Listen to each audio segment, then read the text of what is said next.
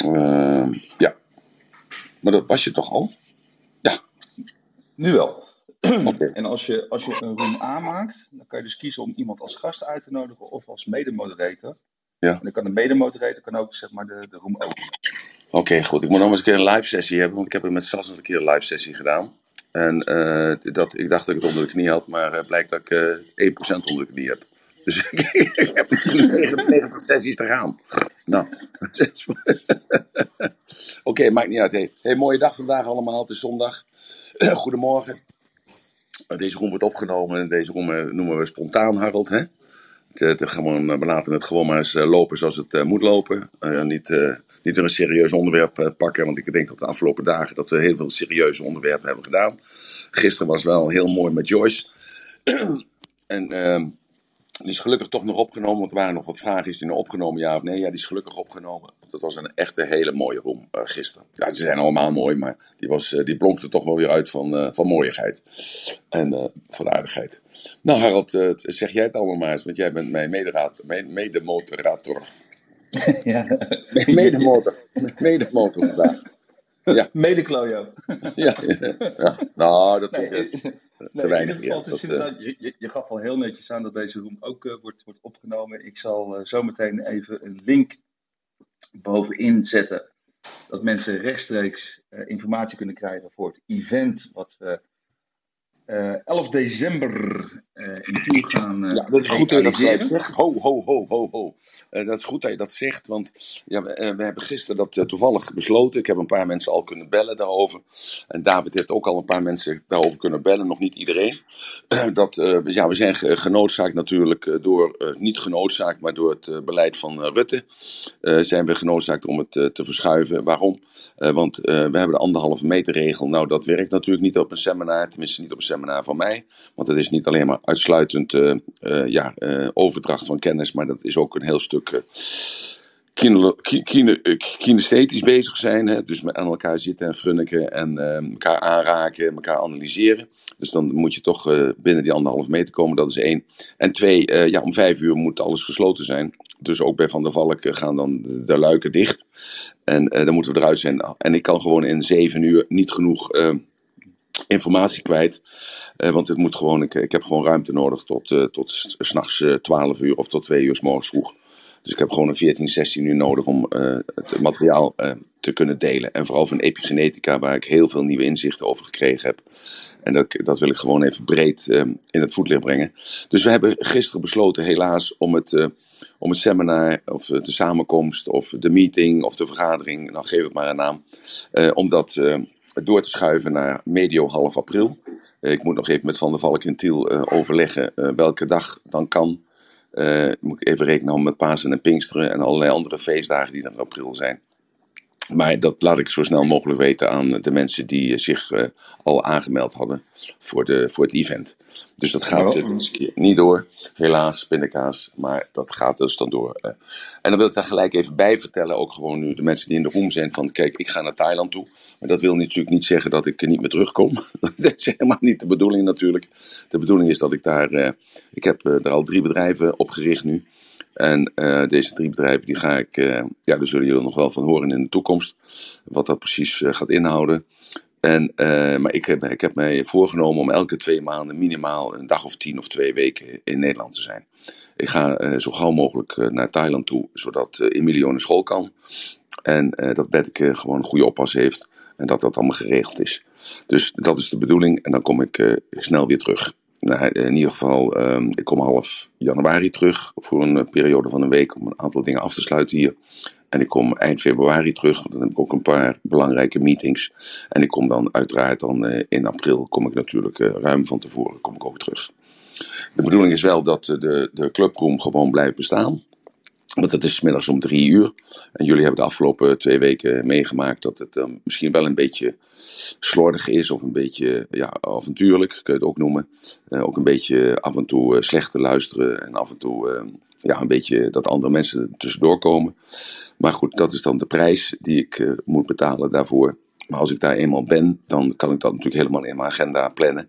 en dan kan ik er gewoon voor zorgen dat ik van drie tot vier of van drie tot half vijf, smiddags Thaise tijd, dat ik dan de tijd neem voor jullie allemaal en dat het niet meer ertussendoor hoeft te gaan. Dus zodoende, Harald. Dus we hadden jou nog niet uh, bericht. Uh, maar zodoende had ik ook heel veel mensen, andere mensen ook nog niet bericht. Maar een aantal mensen had ik wel al benaderd. Maar ik wilde, nee, wilde ik, het ook persoonlijk doen. Ja. Ik, had, ik had zelfs zo, Emiel, als we die gloeiende kolen op anderhalve meter van elkaar afleggen, dan, dan ga ik niet overlopen, maar over jumpen. maar goed, joh, het, het, het, is, het, is, het is te begrijpen. En uh, wat in een goed vat zit, verzuurt niet. Dus dan gaan we het ja. gewoon. En hebben we alleen nog, nog, nog, nog meer tijd om het nog groter en, aan te kondigen.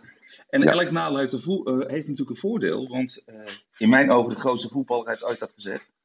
Tegen die tijd is natuurlijk ook jouw documentaire dan te zien. Denk ik nee, dat is ook opgeschoven. Oh. Dat is ook een hele goede van jou. Ja, een hele goede van jou, dat, om dat te zeggen. Omdat die, ja, Videoland weet het nog niet, maar die hebben we deze week een bespreking mee. Um, ja, hoe moet ik dat nu even netjes zeggen, zonder dat ik in, tegen mensen schenen aanschop. En zonder, want het wordt allemaal opgenomen natuurlijk, dus dan kan het ook zich tegen, zich, tegen mij keren. Maar het is zo dat de opnamen zijn dermate van hoge kwaliteit. Niet qua, resolutie, niet qua resolutie, maar qua content. Door de heren en dames. En beoordeeld, althans, voor de kijker. en die zijn nu in overweging om daar een. Ja, het, het wel natuurlijk wel uit te, uit te zenden. als. als um, documentaire, dat is één, maar tegelijkertijd om er een opvolging aan te geven. En van hoe vergaat het Ratelband nu uh, in Thailand en de rest van zijn leven. Dus uh, zie het dan een soort, uh, een soort live, live event of een soort soap, of ja, het is maar net hoe je het zeggen wilt. Uh, omdat ja, het blijkt dat ik zoveel doe voor, althans voor de, voor de meeste mensen, dat dat abnormaal is. en dat zo afwisselend is, want de, de crew heeft tot, ja, tot en met vandaag rust moeten nemen om, om, om af te kicken van de reis, plus de jetlag. En uh, dus morgen gaan we weer in volle gang ermee. Voor morgen zijn er weer de eerste opnames. En zijn ook weer de eerste redactievergaderingen. En, uh, maar goed, dat houdt dus in dat we 1 maart niet halen. Dat zal dus ook uh, gecommuniceerd worden door, naar Videoland toe. En dat zal een maand later worden. Omdat er zo giga veel materiaal is. En dat er misschien een andere lijn gevolgd gaat worden. Om het te continueren. Door een, een, een, een wekelijkse of een dagelijkse aflevering te brengen. Dus dat, daar, eh, dat speelt ja, een beetje. Wat ik eigenlijk bedoel met uh, elke maand heeft zijn voordeel. Uh, tegen die tijd is natuurlijk nog meer aandacht dan voor één ratelband. Dus dan zou betekenen dat we niet een, een zaal van 200 man uh, waarschijnlijk nodig hebben, maar een zaal van 1000 man. Dus het wordt alleen maar nog een leuker en een groter event. Ja, maar ik tel natuurlijk niet zo. Dus dat is ook niet een, een, een reden om dit af te zeggen, zeg maar. Of het, uh, het uh, we, nee, we moeten dit, kijken wat er gebeurt. En, uh, ja. dit, dit heeft te maken natuurlijk met de maatregelen waar we aan dienen te houden. Ja. Dus ja. dat, dat is gewoon heel, heel begrijpelijk. Maar goed, tegen die tijd dat we dan in april zitten en ervan uitgaan dat alles weer in het oude normaal is. Ja, dan, zou ik me voor kunnen stellen, Emiel, dat dan een zaal van 200 man te klein gaat worden. Maar goed, dat is even vooruitlopen of Laten we even ons uh, concentreren op, uh, op de dag van vandaag. Ja, maar goed, in ieder geval. Ik heb, de titel ik heb, is spontaan. Nou, ja, maar ik heb, spontaan nou, we zijn spontaan aanwezig, ja. En, maar ik heb Giel al gebeld en Giel die zegt, uh, ik begrijp er alles van. Dus ik, Giel Belen komt uiteraard in april ook. Ferry uh, die komt ook. die ja. begrijpt ook de situatie. Wiegert begrijpt de situatie. En die komt ook. En Jessica, die begrijpt natuurlijk ook de situatie. Die, dus die smeert nog eens een keer extra haar hoogwerker. En die zegt, uh, ik kom ook gewoon half, half april. Dus dat verandert eigenlijk niks. Ja. Ik denk dat iedereen begrip heeft, want dit is gewoon overmacht. Ook de ja. winnares van de Golden Ticket van de Steun November actie, die zal dit begrijpen. En wat in een goed vat zit, verzuurt niet. En dan gaan we gewoon dat in, in april doen. Nou, yes, oké. Ja, dat, zo is het. Dus alle mensen krijgen nog een telefoontje. Dat ik, dus, uh, dus ik spreek uit mijn beurt vooruit, maar ik heb zelf al een man, man of zes, zeven gesproken. Uh, uit mijn directe kennisgeving om te zeggen dat het niet doorgaat. en die reageerden allemaal positief en zeiden dat begrijpen we allemaal. En David belt een aantal mensen op. Ik bel zelf daarna vanmiddag ook nog even een aantal mensen op. Dus dat het in ieder geval dan officieel ook gezegd is. En dan krijgt iedereen de keus wat hij wat wil. Yes? Oké, okay, dan gaan we het hebben over spontaan. Nou Harald, uh, vertel jij maar eens wat. Uh, Marjolein, Marjolein is naar boven toe gekomen. Marjolein, heb jij ja. een spontaan onderwerp of een spontane vraag? Of is er iemand anders die een, uh, iets te vragen heeft over de afgelopen week of de komende week of over de corona of over. nou ja, you, you never know. Iedereen, iedereen doet het zwijgen. Nou, ik even te denken, Emiel. Ehm, ik vond het heel indrukwekkend. Ik heb het ook gisteren nog teruggeluisterd. Wat je gisteren hebt gedaan. Die room was echt bizar. Uh, wat ik heel mooi vond, was weer hoe je jezelf kunt uh, hergroeperen. Uh, dus zeker wat haar is overkomen, dat was heel bijzonder. En hoe ze nou, toch Joyce, dat leven heeft kunnen leiden. Ja, ik, vond zo, ik vond het ook zo mooi dat Joyce dat vertelde. Wat ik nog steeds wel heel interesserend vind, Emiel, is... Um, wat maakt het verschil inderdaad tussen een succesvol iemand um, ja. En iemand uh, die misschien wel een gouden lepel in zijn mond heeft gekregen, maar het niet redt. Dus wat is het ja. dan? Hè? Gaan we een wel dat leven leiden wat hij wil en de ander niet? Ja. Het, eigenlijk het antwoord is heel simpel. En daardoor ook weer heel gecompliceerd. Uh, de, de, gemeenschappelijkheden die mensen hebben die uh, zeer succesvol zijn, uh, komt voort uit het verleden dat zij vreselijke dingen meegemaakt hebben.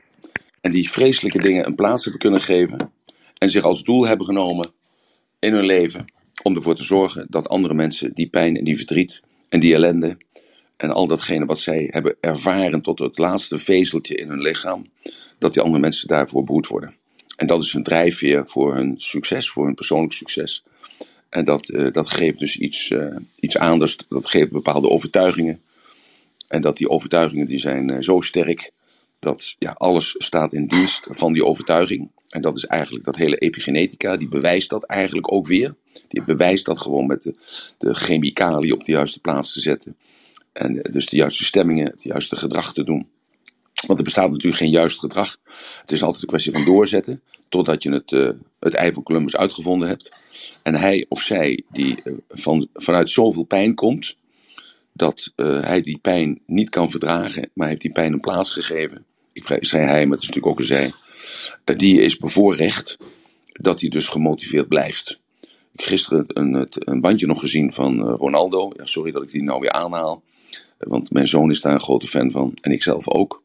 En dat beeld ging over dat hij bij Juventus speelde en dat ze verloren met uh, 3-0 of 3-1. In ieder geval. En je zag dus aan hem de oude pijn terugkomen in het verdriet dat hij niet had kunnen presteren. Want hij wil maar, zijn motivatie is alleen maar dat hij een voorbeeld wil zijn voor alles en iedereen. Om te laten zien van me luisteren in wat voor shit situatie je ook zit. En hij zat echt in de slechtste situatie die je maar voor kan stellen. Want hij was niet gewenst door zijn vader, nog door zijn moeder, nog door opa en oma. En hij kwam dus echt als ongewenst kind, en is ook verwaarloosd de eerste jaren, eh, als ongewenst kind. En uh, dat is hem ook altijd uh, ingegeven tot, tot, tot aan zijn puberteit toe, dat het gewoon niet de bedoeling was dat hij op deze wereld rond zou lopen.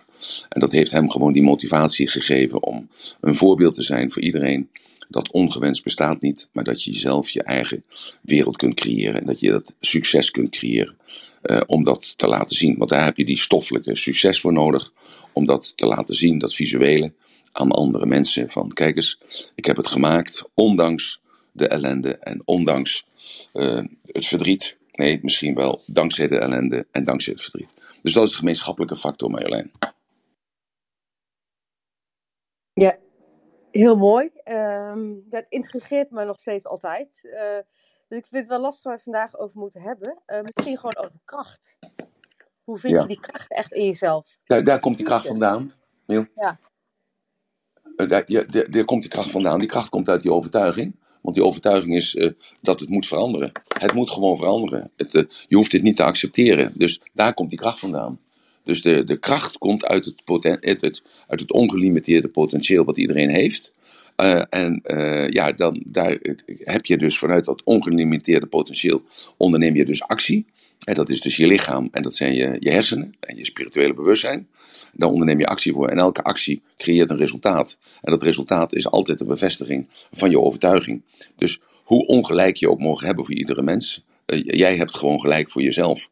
Hoe, uh, hoe grote fout het ook is voor andere mensen, wat je gedaan hebt, uh, dat maakt niet uit. Voor jou is het het grootste leerproces. Dus je, je herkadert eigenlijk, je reframed dus elke keer de buitenwereld naar je eigen voordeel. Dus er is geen, er is geen pech, er is alleen maar toeval. En dat toeval, dat valt jou toe. En dat toeval, dat valt jou toe om er datgene van te maken wat jou dienend is om datgene te bereiken waarom je op deze wereld bent gekomen. En dat, dat wisten we natuurlijk al door mensen die het concentratiekamp bijvoorbeeld hebben overleefd. En dat klinkt heel uh, discriminerend eigenlijk, als het ware. Dat andere mensen dus dat dan niet hebben gehad. Ja, deze mensen hebben dan uh, ja, dat, dat, die tegenslag dat, om in de rij te staan en afgevoerd te worden en uh, daar hun kleren uit te moeten doen. En hebben ze allemaal anders uitgelegd. En hebben daarin kansen gezien. En hebben zich niet willoos naar de slagbank laten leiden. Zo, dus, dus die kracht zit in elk mens. En dat was zo mooi gisteren, dat heb je dan ook gehoord van Joyce, hè, dat ze met aan het tokkelen was. Dus het, ja, dat tokkelen was gewoon uh, niets anders dan een spelletje, eigenlijk, in de context van uh, dat hele verhaal van, die, van dat seminar in, uh, in de Ardennen. En op dat moment dat ze dus halverwege was en ze kon dus niet verder komen, kwam ze dus in een mentale, mentale lockdown, zeg maar, lockdown. Dus kon niet meer naar voren, kon niet meer naar achter toe. Dus de brandweer heeft haar daarvan afgehaald.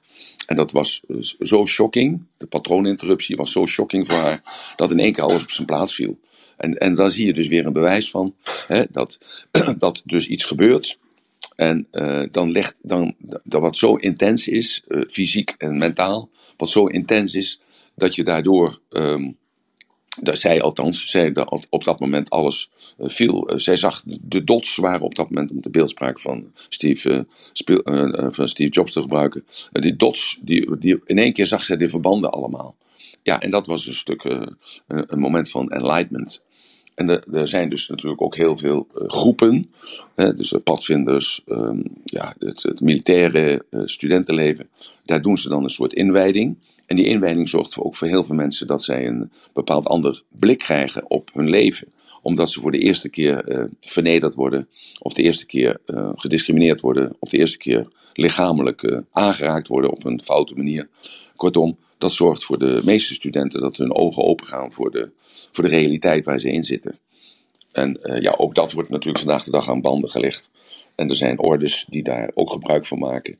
En uh, dat, dat is dan meer uh, mentaal, dat daar dus een soort shocktoestand ontstaat. En in die shocktoestand van een soort inwijding krijgt men dan een ander licht op dezelfde werkelijkheid. Dus die kracht zit in elk mens. Die mentale kracht zit in elk mens. Uh, die fysieke kracht zit ook in elk mens. Dus dat, dat, dat, en hoe meer ellende je meegemaakt hebt, hoe meer je dat dus eigenlijk als het ware onbewust geoefend hebt. En dus die spier, als je dat als een spier zou uh, visualiseren, dan uh, is die spier dus sterker als die, uh, en meer ontwikkeld als die dus veel gebruikt is. Breng je dat een beetje dichterbij, Marjolein? Ja, ik voel hem hoor. Ik denk, zal ik dit nou gaan vertellen? Um, maar ik denk, misschien moet ik ook gewoon eens met de billen bloot. kwetsbaarheid. Um, ik heb, onlangs ben ik met een nieuw bedrijf gestart. op dat moment kreeg ik eigenlijk een oplichter op mijn pad heb ik een jurist geraadpleegd. Ik ga natuurlijk geen namen noemen. Uh, die heeft mij eigenlijk geholpen om daarvan af te komen. Dit was een man, die was een oplichter. Daar ben ik eigenlijk allemaal best wel goed mee omgegaan. Uh, alleen, um, er is iets heel geks gebeurd. En ik weet dat ik dat zelf op een of andere manier aangetrokken hoor. Diezelfde jurist, die zeg maar waar ik bij was gekomen om, om te vragen hoe gaan we dit oplossen. Die heeft mij een soortgelijk voorstel gedaan. Dus die wilde graag een belang in mijn bedrijf.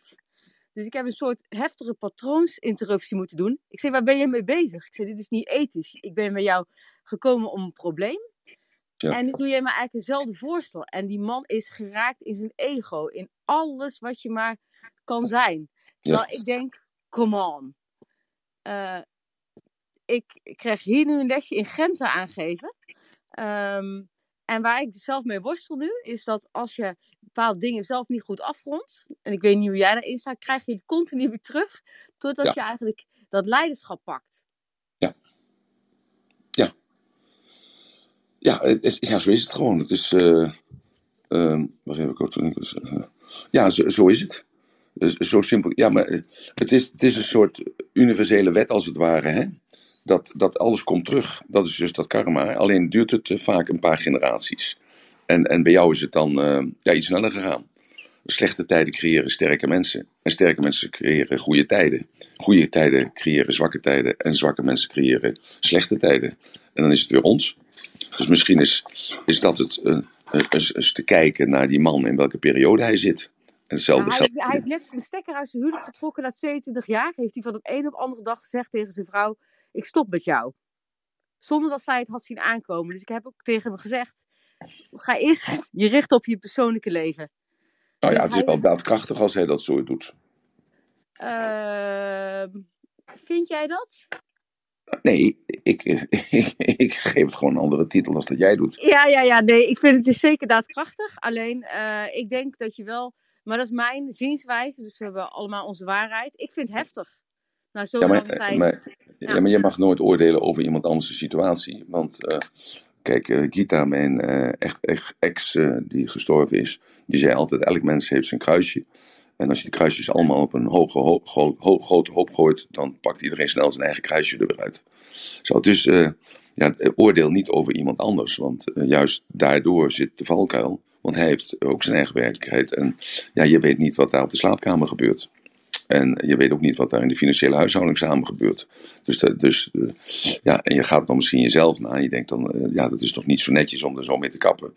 Je kunt ook eh, misschien zeggen dat hij op een bepaalde manier zijn communicatie anders had moeten doen. Want hij heeft het al vele malen laten blijken door alleen op vakantie te gaan.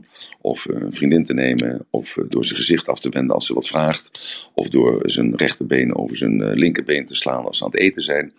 En ja, zo is er dus een, een soort spel geweest. Wat zij misschien niet begrepen heeft in de euforie. Dat kan. Dat kan. Ik heb het vet omschreven. Ik denk dat dit het is. Eh, alleen ik had nu het gevoel dat hij een beetje zijn zingeving op mij ging vertalen. Snap Ja, maar dat is jouw projectie, denk ik. Ja, dat klopt. Dus, dus dat is jouw projectie. Dus eh, ja, dus dit, dit zegt alles over jou Hm. en, en niets over hem. Dus gebruik hem ter eerder en meer de glorie van jezelf. Zou ik bijna zeggen. Maar blijf, blijf dat gewoon ook denken. Want dat, die slechte tijden, dat is natuurlijk niet iets concreets. Hè? Dat zijn dus niet eh, jaren van, eh, van 1 tot, eh, tot 20. En daarna zijn er sterke mensen. En die sterke mensen leven ook weer 20 jaar. Dan heb je dus goede tijden. En dan vanuit die goede tijden na de 20 jaar, dan heb je weer zwakke mensen. En dan weer 20 jaar, dan hebben we weer slechte tijden. En dan komen weer goede mensen aan. Zo, zo werkt het natuurlijk niet. Dus in je leven is het ook zo. Je, hebt, eh, je hebt slechte tijden en eh, ja, dat creëert eh, sle- sterke mensen, want je moet door die slechte tijden heen. En dat, is dan, dat laat ook zien wie dan de winnaar is. En dat laat ook zien wie dan uiteindelijk gelijk heeft. Want dat is natuurlijk het verhaal, dat hebben we al een keer behandeld met doorzettingsvermogen of eigenzinnigheid of eigenwijzigheid. Wat is het verschil? Nou, aan het eind zal blijken. Dus wie er gelijk heeft. En eh, ja, niemand wil natuurlijk het eh, predicaat hebben van eigenzinnig of eigenwijs. Iedereen die wil eh, het predicaat hebben van doorzettingsvermogen. En de mensen die goed gelezen hebben waar eigenzinnig, eigen streepje zinnig voor staat, die zeggen ja, maar dat is toch heel positief om eigenzinnig en eigen streepje wijs te zijn, want je haalt de wijsheid uit jezelf. Ja, maar zo kun je een banaan nog wel recht praten. en dat, dat, is, dat is ook goed, want je moet ook een banaan recht praten voor jezelf als je in de shit zit. En dat zijn de slechte tijden. Dus die slechte tijden die creëren sterke mensen. Kijk naar jezelf of ik kijk naar mezelf. Ik, als ik naar mezelf kijk en ik, we maken nu de documentaire. En dan komen al die, eh, al die dingetjes komen voorbij die ik al lang vergeten was. Die haalt dan eh, iemand die bij mij 53 jaar werkzaam is geweest, die haalt dat naar voren. En dat was een belangrijk event voor hem, wat 40 jaar geleden gebeurd is. Ik, eh, ik heb gewoon die beslissing genomen toen 40 jaar geleden. En that's it, ik ben verder gegaan. Maar voor hem is dat een kentering geweest in zijn leven. En zo zijn er eh, ex aan het woord geweest die eh, allerlei verhalen vertelden die, eh, die voor hun waar zijn, maar waar ik me zo totaal niet in kan herkennen. Of zakenrelaties die vertellen van dat ik een punt had geraakt. Bijvoorbeeld, eh, oh ja, ik mag niet vooruitlopen, maar een van de grootste supermarkten van, deze, van, de, van onze maatschappij vertelde dan dat, dat ik dat en dat toen gedaan had. En dat dat ja, een kentering is geweest in het, in het bestaan van het bedrijf. Nou, ik, ja, ik was me helemaal nergens van bewust dat ik dat gedaan had. Want eh, dat heb ik schijnbaar in een of ander verhaal verteld. En dat is aangekomen. Dus, dus hij of zij die eraan toe is, die, die pakt dat op. En, eh, dus het heeft niks met mij te maken. Het heeft eh, met de ontvanger te maken. Maar goed, dat is. dus daarom is elke dag zeg ik hetzelfde. Het zijn alleen elke dag zijn andere onderwerpen. En elke dag is een stukje van de puzzel. Of het is de dots. recognize the dots. Nou, de, de dots kun je niet zien. En daarom was dat verhaal van de week met die atomen zo mooi. Dat als je werkelijk inzoomt op zo'n atoom. Wat wij vroeger dachten, het zijn bolletjes die om elkaar heen zweven. En een verzameling van die bolletjes creëert dan een molecuul.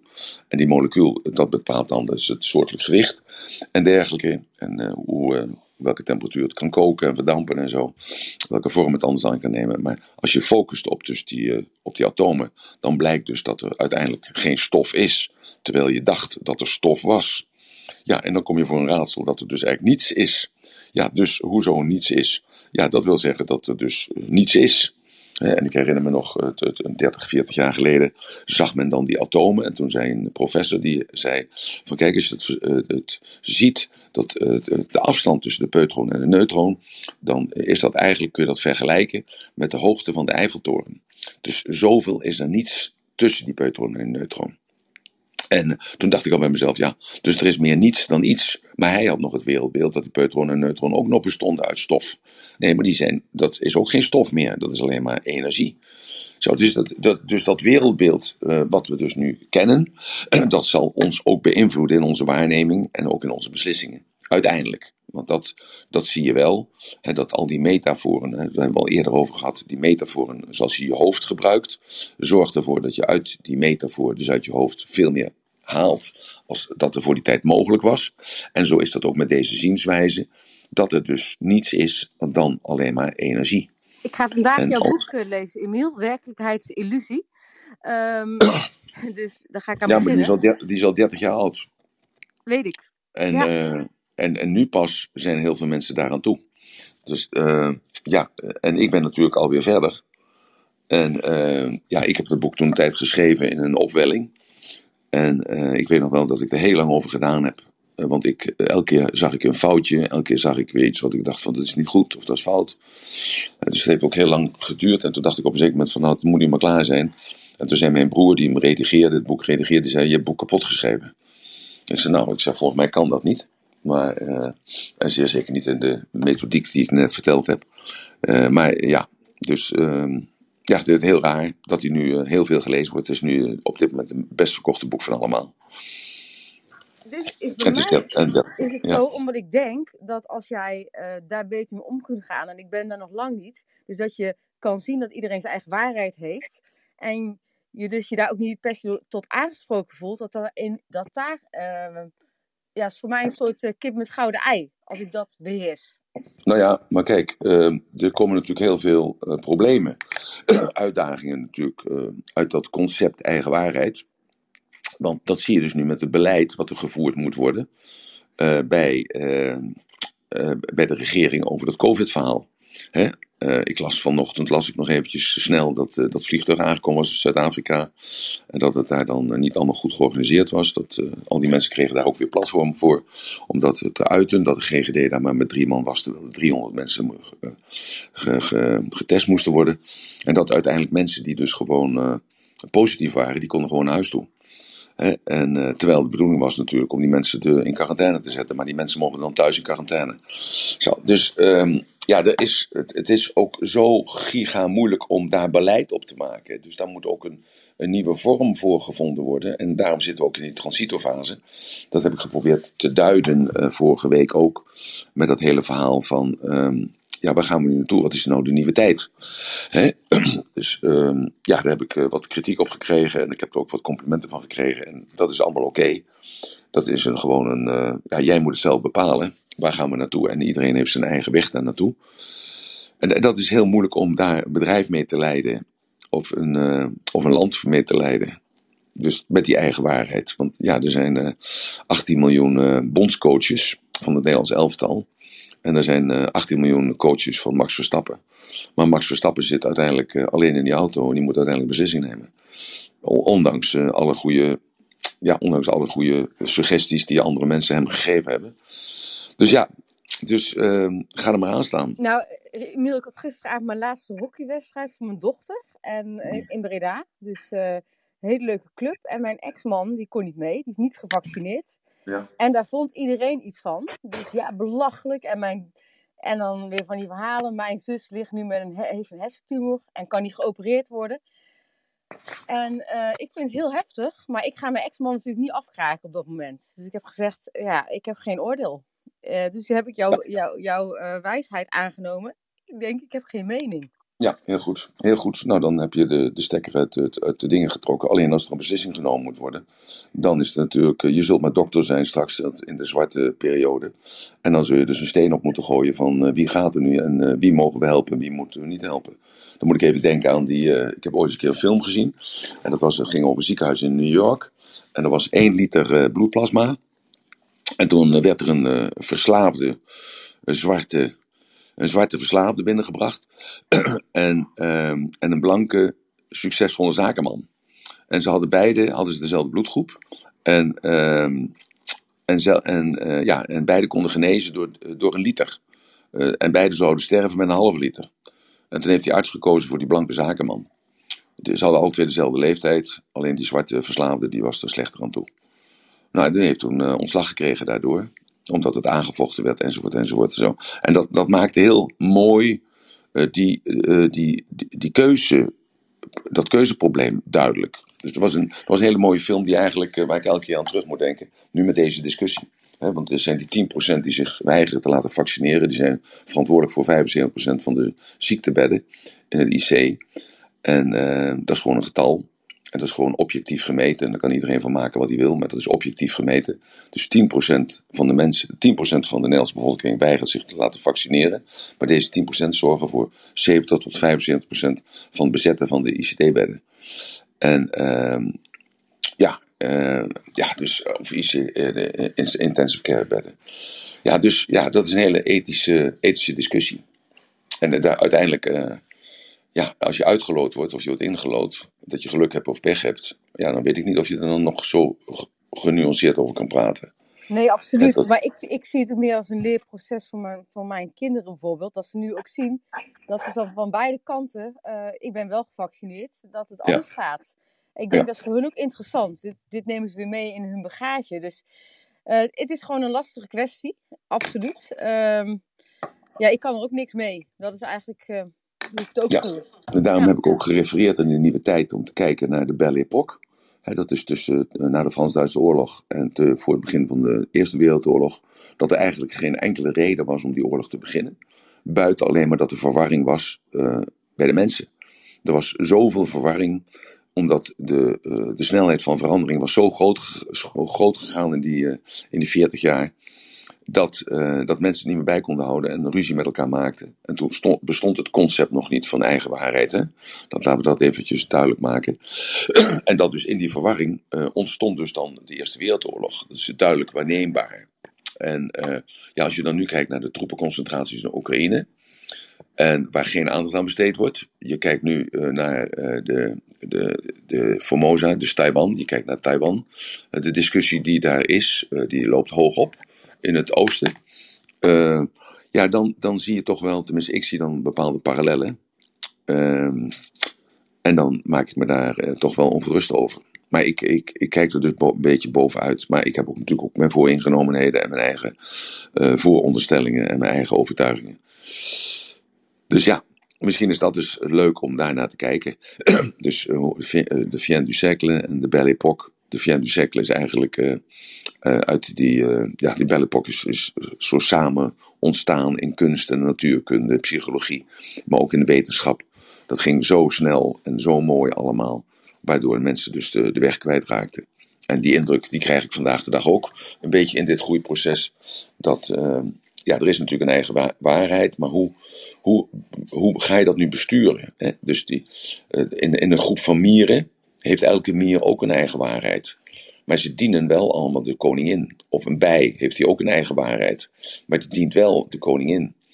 Dus, dus dat is een, een, ja, een, een verdergaande uitdieping waar ik mezelf nu ook niet druk over maak, maar wel uh, vragen over stel. Van uh, hoe gaan we dat inbedden in praktische modellen, waardoor we de kost kunnen blijven verdienen en waardoor we dus die piramide van Maslow in stand kunnen houden en dan het bovenste topje. Dus dat is uh, mijn uh, spontane reactie daarop, Marjolein. Is er iemand in de room die een uh, vraag heeft? ik Nancy, ik heb begrepen dat... Oh, sorry. Ja, sorry. Nee, ik wilde Waarom? zeggen, ik heb nog niks in de backchannel gekregen aan, aan vragen of berichten. Want die, die staat wat open en ik zie ook geen handjes. Maar jij wilde Nancy iets vragen, begreep ik. Nee, maar ik wil even jou ook nog wat vragen. Vertel jij eens een leuke mop vertel, vertel eens, vertel eens een leuke mop, jongen. Ja, jongen. het is uh, zondagmorgen. ja, ja. vertel jij nou eens een leuke mop. Zet hem, nou ja, goed. Dan, uh, ik was, gisteren was ik met uh, Miranda was ik, in Amstelveen, want wij waren bij, we hadden een belofte in te lossen We gingen namelijk bossenbollen brengen bij Wild IFM. Ja. En eh, op, op, op het, eh, ja, die hadden, ik had zendtijd gekregen op de radio om aandacht te vragen over, eh, aandacht te geven over november. En ik had gezegd, nou jongens, dat vind ik zo geweldig, ik kom uh, bossenbollen brengen.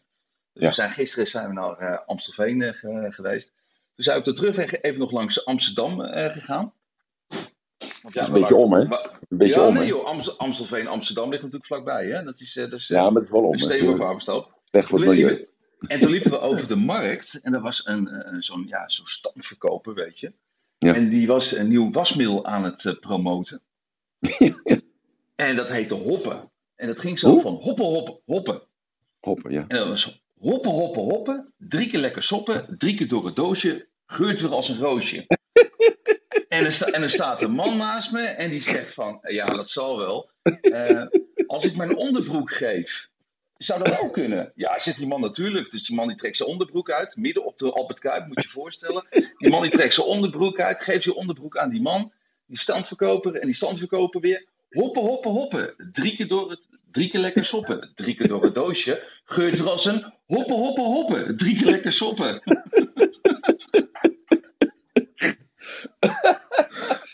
maar goed, bij, bij, Nou. bij deze. Ja. Een fantastische patrooninterruptie. Is er, is er nog iemand uit de room die nog een hele goede mop heeft? Wat is er? Ja, laat- hoppen, shoppen. Laten we, laten we daar, misschien heeft Marjolein wel een leuke mop. Marjolein, heb jij een leuke mop? Of een leuk raadsel? Eh, Poeh, jee, vrouw hè.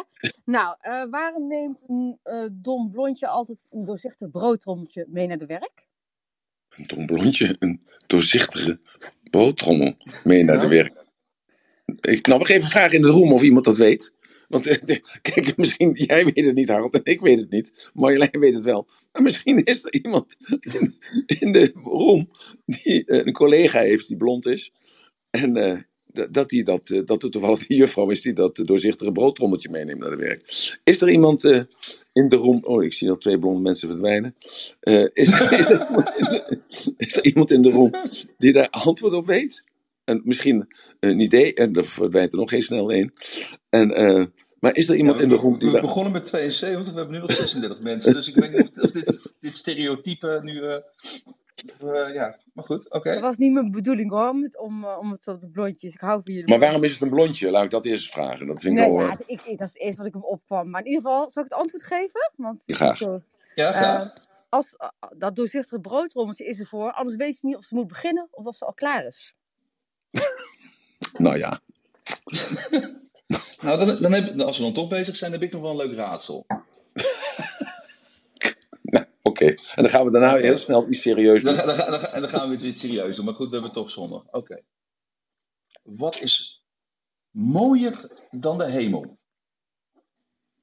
Wat is mooier dan de hemel? Wat is mooier dan de hemel? En slechter dan de hel? Nee, wacht, Oh, even, ga nog verder. Dan ga, ga nog verder. Oh? De, de rijken hebben het niet en de armen hebben het wel. Je wil het niet op je brood, want als je dit eet, ga je dood. ik ben het kwijt. Ik zal er, nog één keer herhalen. is er iemand in de room die een eh, wil proberen? Dan graag. Ik, ik, ik zal nog een keer eh, herhalen. Ja. Wat is mooier Dan de dan de hemel. hemel Slechter dan de hel. en slechter dan de hel? De rijken hebben het niet, de armen hebben het wel. Je wil het niet op je brood, want als je dit eet, ga je dood. Ik dacht eerst even dat mijn schoonmoeder was, maar dat is het dus niet. Nou, ik weet het, ik weet het niet. Marjolein, weet jij het? Marjolein is weg. Nee, Die nee denk ik, hoor, ik hoor jullie hoor. Ik hoor jullie. Nee, ik heb geen idee. Het antwoord is niks. Niks is mooier dan de hemel. Niks is slechter dan de hel. De armen hebben niks. De rijken hebben niet niks. Wat wil je op je brood? In ieder geval niks. En als je dit eet, als je niks eet, ga je dood. Nou, nou goed. Uh, hele we, gaan, we, we gaan weer over tot, uh, spontaan over tot de orde van de dag. Ja.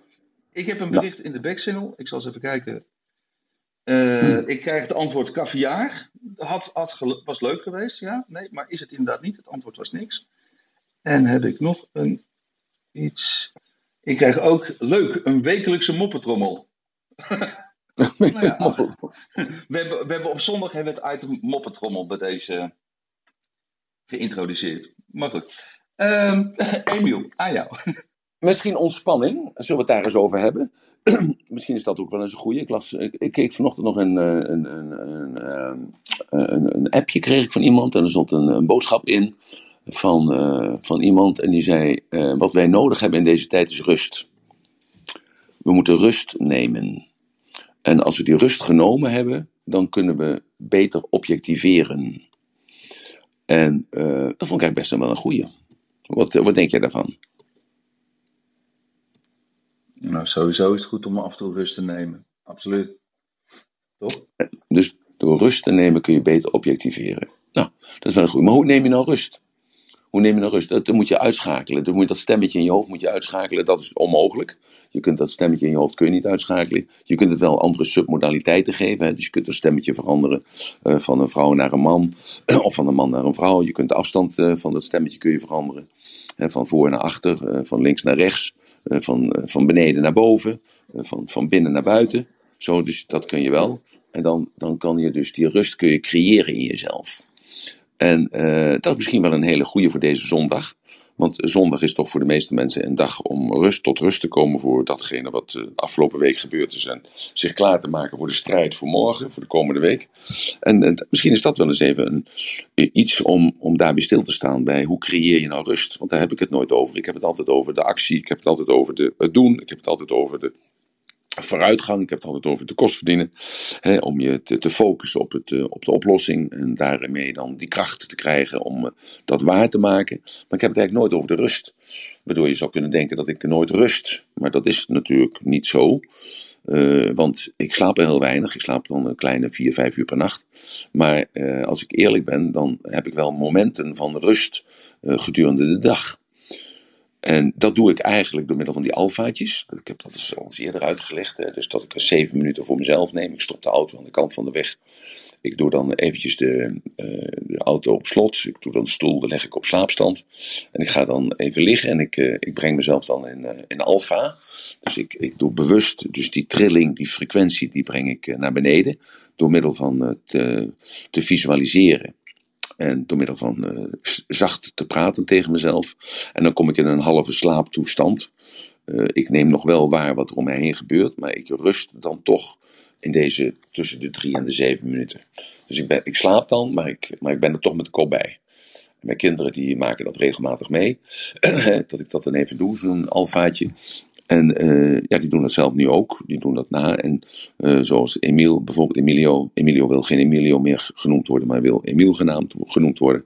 Dus Emiel die doet dat tegenwoordig ook, waardoor hij s'avonds nu ook om tien uur naar bed kan. In plaats van om half acht. En dan kan om tien uur naar bed en staat morgens nu ook uh, ja, vrolijk fluitend om half zeven naast het bed. En neemt tussendoor gewoon even op het toilet of eventjes, als je op school is, even, als de pauze is, dan neemt hij zo'n alfaatje. Waardoor hij zijn energieniveau verhoogd heeft. Dus uh, net als met eten eigenlijk als het ware, je hebt uh, eetmomenten. Daar lopen natuurlijk de meningen over uiteen. De een die zegt je moet uh, intermittent vasten, dus je moet in 8 uur eten, of in 10 uur eten, en 12 uur niet eten, of 16 uur niet eten. Dat is een methode. Er zijn ook mensen die zeggen: nee, maar je moet hap slikken. Je moet dus gewoon om, de, om het half uur moet je iets nemen. Waardoor dus de, de, alle organen binnen in de verteringsorganen actief blijven. Zo, de, eh, de tandarts die zal dan zeggen, nee dat is fout, want eh, je moet uh, je tanden poetsen na het eten. En terwijl ik altijd zeg, nee je moet je tanden poetsen voor het eten. Dus dan heb je alweer een andere uitleg. Maar het, het gaat erom om dus dat rustmoment, uh, omdat wat past bij jou? Hè? Wat, uh, wat, wat wil jij als je 12 uur slaapt? Uh, vind je dat prettig om s'avonds om 8 uur naar bed te gaan, morgens om 8 uur wakker te worden? Of zeg je van nee, maar luister, ik wil eigenlijk s'avonds televisie meemaken samen met de familie, dus ik wil eigenlijk s'avonds om 11 uur naar bed. Nou, die drie uur die kun je dan losknippen en die kun je dan overdag, kun je die in hazenslaapjes of in alfa momentjes, kun je die alsnog beleven. Zo, dus dat is best eigenlijk ook weer een, een interessante kijk van zaken hoe je dan dus anders met je tijd om kan gaan. Dus van het een komt het ander. Wat vind je daarvan, Marjolein, Harold?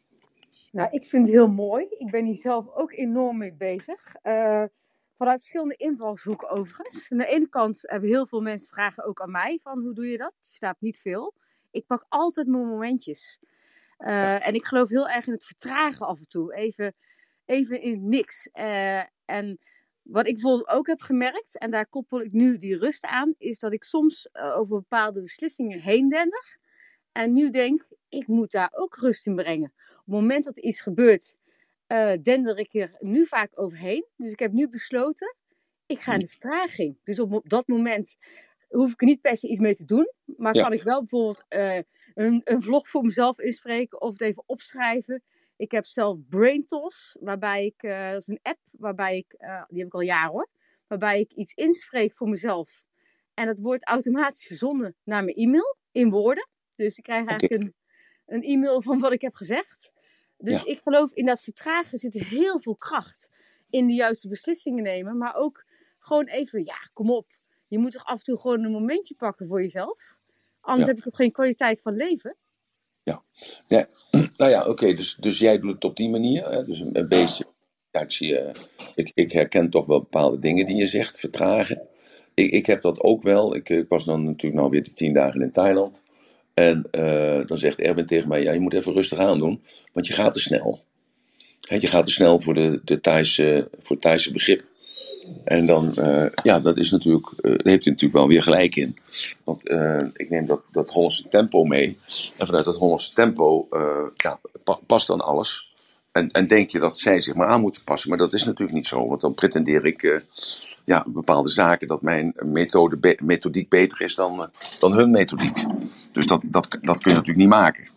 Ja?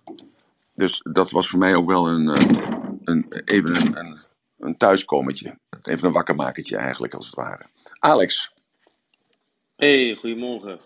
Morgen. Goedemorgen. Ja, ik heb dan nog een... Uh, ja, je had het net over een hazenslaapje. Ik heb daar een uh, persoonlijke goede ervaring mee.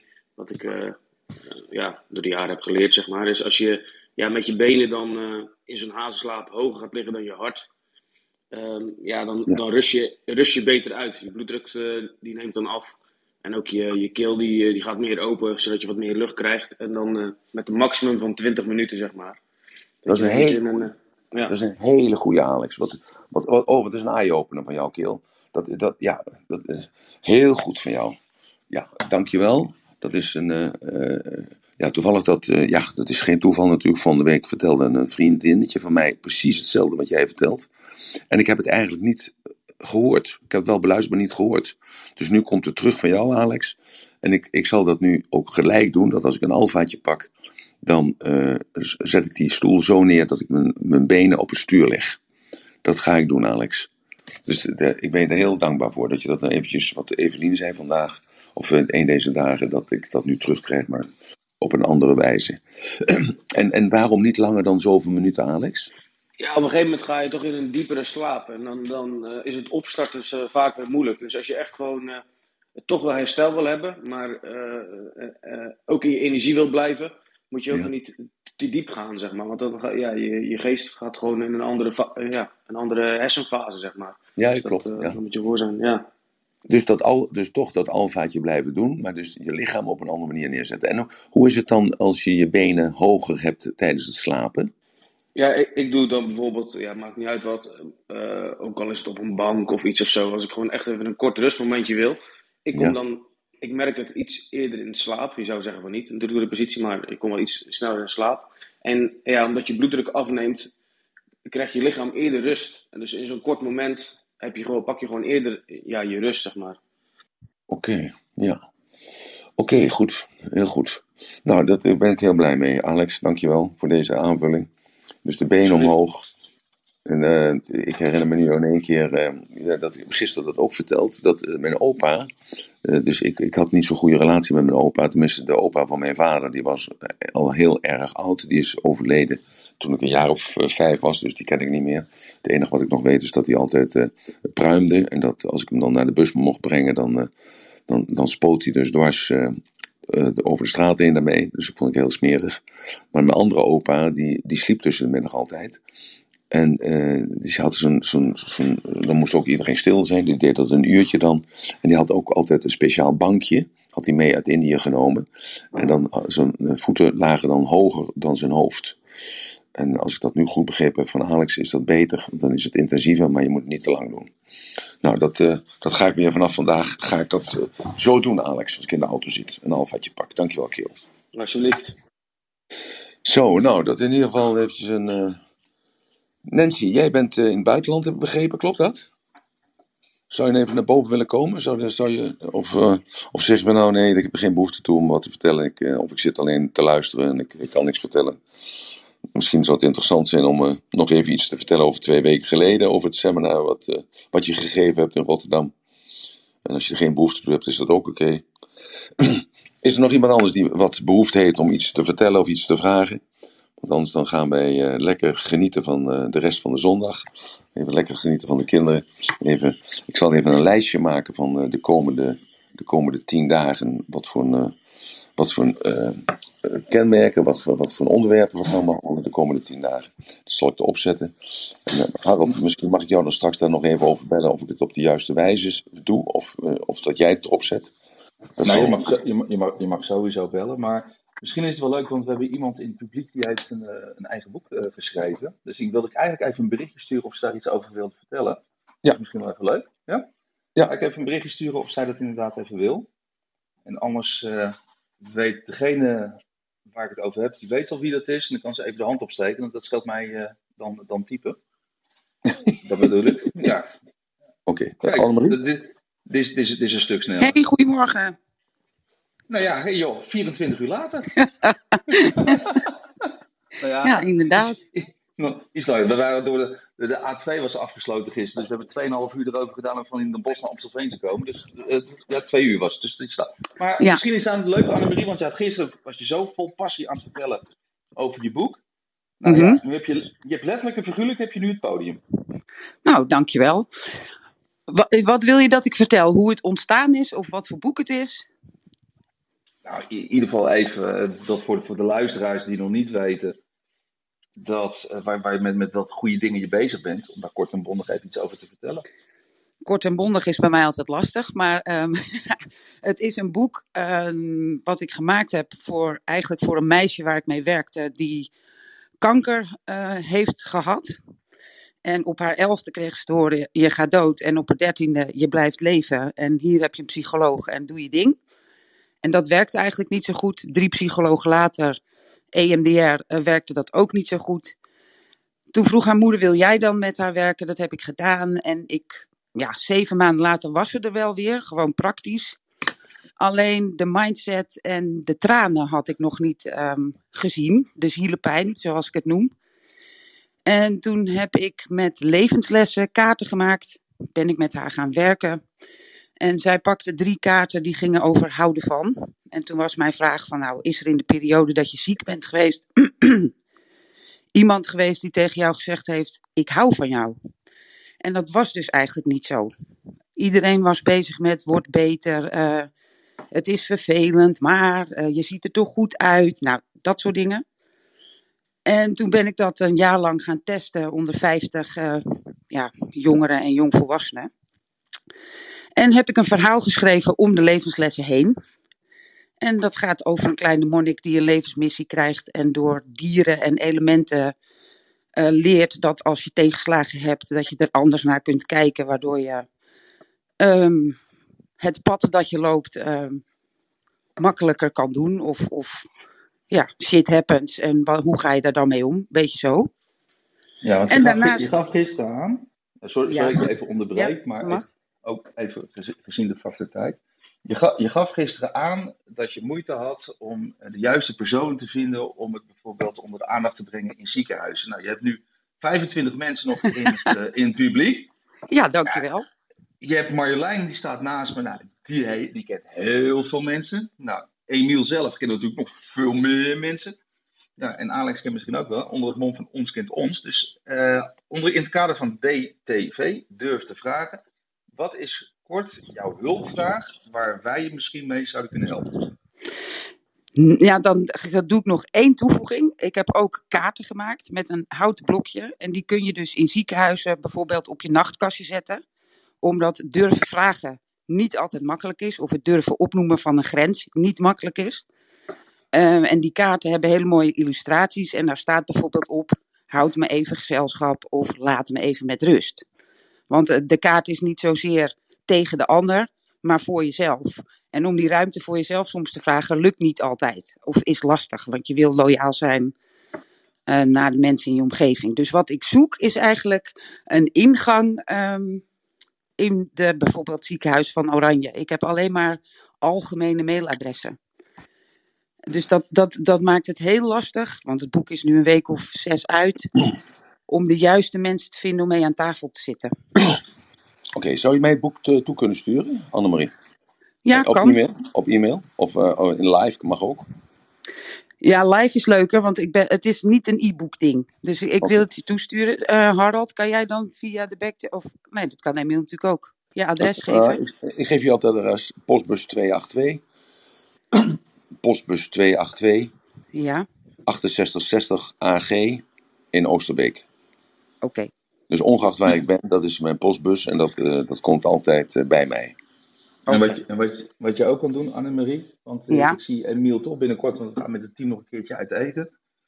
Als je dan, ik zal je, en wij zien elkaar ook wel binnenkort, dan zorg ik wel dat ze, het scheelt je de verzendkosten. Dan neem ik het wel mee als ik Emiel dan weer zie. Dat scheelt je weer de verzendkosten. Ja, het voordeel is, dat is lief, dankjewel, maar het voordeel is dat mijn verzendkosten gesponsord zijn. Dan okay. heb ik niks gezegd. en Annemarie, ik, even voor jouw beeldvormen, dat kon je natuurlijk ook niet weten. Ik ben een dame al heel lang aan het helpen met een platform voor mensen die kanker hebben gehad. Dus wij hebben wel heel veel connecties uh, in die wereld. Oh, mooi. En misschien is het een idee om een room te doen met jou, Annemarie, over dat boek, uh, zodat het dan meer gaat leven. Ja, super. En want het is nog een podcast eigenlijk als het ware, want het wordt opgenomen. Dus andere mensen kunnen dat uh, ook leren of gebruiken. Maar je kunt die podcast ook downloaden en dan kun je dan andere mensen geven die uh, geen geduld hebben om het boek te lezen, maar wel willen luisteren in de auto bijvoorbeeld. Ja. ja, het voordeel van het boek is dat het maar 32 pagina's tekst is en 32 il uh, illustraties. Dus je, je, leest het vrij snel. En ja. meer informatie is op www.kleinemonnik.nl. Mooie naam in ieder geval, Kleine Monnik. Heel mooi. Dankjewel. Okay, dankjewel Annemarie. Nou, dan kijk ik naar de boek uit. En ja, ik, hoop ik ga het toesturen. Uh, ja, en dan uh, doen we daar gewoon ook een keer een roem over. En ja. dan, uh, ik heb nog wel wat connecties in die, in, die, in, die, in die factor, in die sector. En bedankt voor het podium, mensen. Oké, okay, nou, idee van Harold. Dankjewel, Harold. Fantastisch. Oké, okay, goed. Het, nou, het en nou. het onderwerp van morgen, want morgen is nou, ja, Marloes volgens mij onderwerp, ik, ik heb even tien onderwerpen bedacht. Ja. En uh, de tien onderwerpen zijn, uh, als iedereen graag even wil luisteren, want misschien zijn er op- dat mensen zeggen, nou dat, dat vind ik maar niks, of kun je dat niet een beetje nuanceren, of ik vind dat fantastisch, hartstikke fijn, ik kijk er naar uit. dat is de eerste, dat ik, ik, ik hou nog even een andere volgorde aan, maar ik noem het maar even, dat is de Belle Époque. Ik heb het daar al een paar keer over gehad. Dus um, de Fin du Cercle, dus dat wil ik graag een keer een roem over houden. Dus de Belle Époque en de Fin du. Dus ik zie daar heel veel parallellen in, in de, in de huidige ontwikkeling. En, in, uh, en die Belle Époque kan daarvoor een soort richtsnoer zijn, als het ware, om dat beter te kunnen begrijpen. Dan wil ik er nog eentje houden over overtuigingen. Een roem over overtuigingen. Wat zijn overtuigingen? Wat doen overtuigingen met jou? En wat, wat moet je ermee? modaliteiten, hè? dus dat is ook nog vaak dat mensen daar toch een beetje problemen mee hebben. Modaliteiten en submodaliteiten. Hoe ga ik daarmee om? Hoe pas ik mijn communicatie aan? Interne communicatie, externe communicatie. Dan een, even een roem over epigenetica. Dan begin ik verander dat eventjes in, in, ik wou zeggen, wat is NLP, maar dat is interne plus externe communicatie. Dat verander ik eventjes. Zo, en dan de functie van de godsdienst. Dan metaforica. Dan fysieke gezondheid en mentale gezondheid en karma. Dus dat zijn tien onderwerpen die ik eigenlijk uh, de komende periode zou willen behandelen. En daar komen natuurlijk dan ook nog wat andere onderwerpen tussendoor van, uh, van andere mensen die andere onderwerpen graag willen uitgekristalliseerd hebben. Zijn hier op- of aanmerkingen over? Nou, kan iedereen zich daar een beetje in vinden? Of zeg maar nou, dat, uh, daar heb ik helemaal geen trek in. Vol, volgende week zondag kan ik zelf ook samen met jou de room doen, zoals het nu uitziet. En dan gaan wij dan over interne en externe communicatie hebben. Oké, goed. Nou, dan zet ik die vast op Dus zondag. die hebben we dan voor, eh, voor volgende week. En dan, Zondag. gaan, en dan gaan we ook dan de mop van de dag geven. Dan heb je een hele week om een leuke mop te bedenken. dus is dat de vijfde of de zesde? De zondag. Eh, dat is volgens mij eh, Sinterklaasdag, hè? Ja, daarom. Ja, ja, goed. Ja, goed. Het is de vijfde of de zesde, een van de twee. Goed. Interne, externe communicatie. Goed. Oké, doen we. Goed, top. Oké. Nou, dank jullie wel voor jullie aanwezigheid. Is er nog op- of aanmerkingen? Is er in de backchannel nog iets over deze onderwerpen? Gezegd, hebbende? Nee? Ik zal even kijken. Eh, Ik denk nee, wel dat ik kracht niks. zit in de herhaling, Emiel. Want wat ik soms ook merk, is als ik bepaald soms een roem terugluister, dan kan ik het toch op een andere manier terugluisteren. Dus ik zou zeggen, ja, die herhaling vind ik goed hierin. Ik zie eh, zeg maar wel eh, overlappingen met rooms die je al heb gedaan. Maar ik denk juist dat daar de kracht in schuilt. Eh, nou, ik denk ook dat het zo is dat eh, als je kijkt naar de room, zijn er heel veel mensen zijn weg. En er zijn heel veel nieuwe mensen eh, terug ervoor in de plaats gekomen. Eh, en de dingen die ik al heb verteld, ja, die kan ik nog, nog best nog een keer vertellen. Want ik hou niet een vaste agenda bij. Ik ga meer mee met de flow. Daarom zeg ik tijdens het gesprek van Annemarie eh, luisterde ik natuurlijk even goed. En tegelijkertijd heb ik die tien eh, onderwerpen uit haar verhaal gehaald. Terwijl zij zegt van hoezo, ik heb het helemaal niet over de bellypok gehad. Weet je wel, of ik heb het helemaal niet over eh, gezondheid gehad. Ja, ze heeft het alleen maar daarover gehad. Maar in ieder geval ook over metaforen en dergelijke. Dus, dus ik luister gewoon op een hele andere manier. Ja? Oké, Nancy, jij stuurt mij wat, maar ik kan het niet zo snel zien. Kun je het, kun het komen vertellen, Nancy, naar boven of niet? Of, of, eh, of moet ik het eerst maar lezen en dan moet ik het morgen wat mee doen? Nou, Nancy eh, reageert niet. Nou, dan is het eh, ratelbandje voor vandaag. Eerst even jullie allemaal bedanken natuurlijk voor jullie, dat jullie er zijn en waren. Ratelbandje voor vandaag is: maak eens plaats voor een ander. Maak eens plaats voor een ander. Dus als je in de rij staat en je bent aan de beurt, schuif dan eens op en laat die persoon die, eh, die naast jou staat of voor jou staat, laat die, of achter jou staat, laat die eens voorgaan. Maak eens plaats voor een ander. Ook op een andere manier. Hè? Dus dat als jou wat gevraagd wordt, dat je dat woord aan iemand anders geeft. Maak eens plaats voor een ander. Dat wil ook zeggen dat je dus niet bij je mening blijft, maar dat je gewoon de mening aanneemt van een ander, als zijnde dat dat jouw waarheid zou kunnen zijn. Hoe zou dat dan zijn? Hoe zou je daarmee om willen gaan? Dat zou eigenlijk mijn ratelbandje voor vandaag willen zijn. Zo dus maak eens plaats voor een ander. Dank jullie wel voor jullie tijd en aandacht. En ik hoop jullie morgen dan weer te horen en te zien en mee te maken. Morgenochtend om 9 uur. Dank jullie wel. Ook ja, Harold natuurlijk, Marjolein. Alex voor jullie fantastische opmerking. En Annemarie voor de uitleg van je boek. En ik kijk je boek, kijk ik, eh, kijk naar uit. Dank jullie wel en tot morgen dan.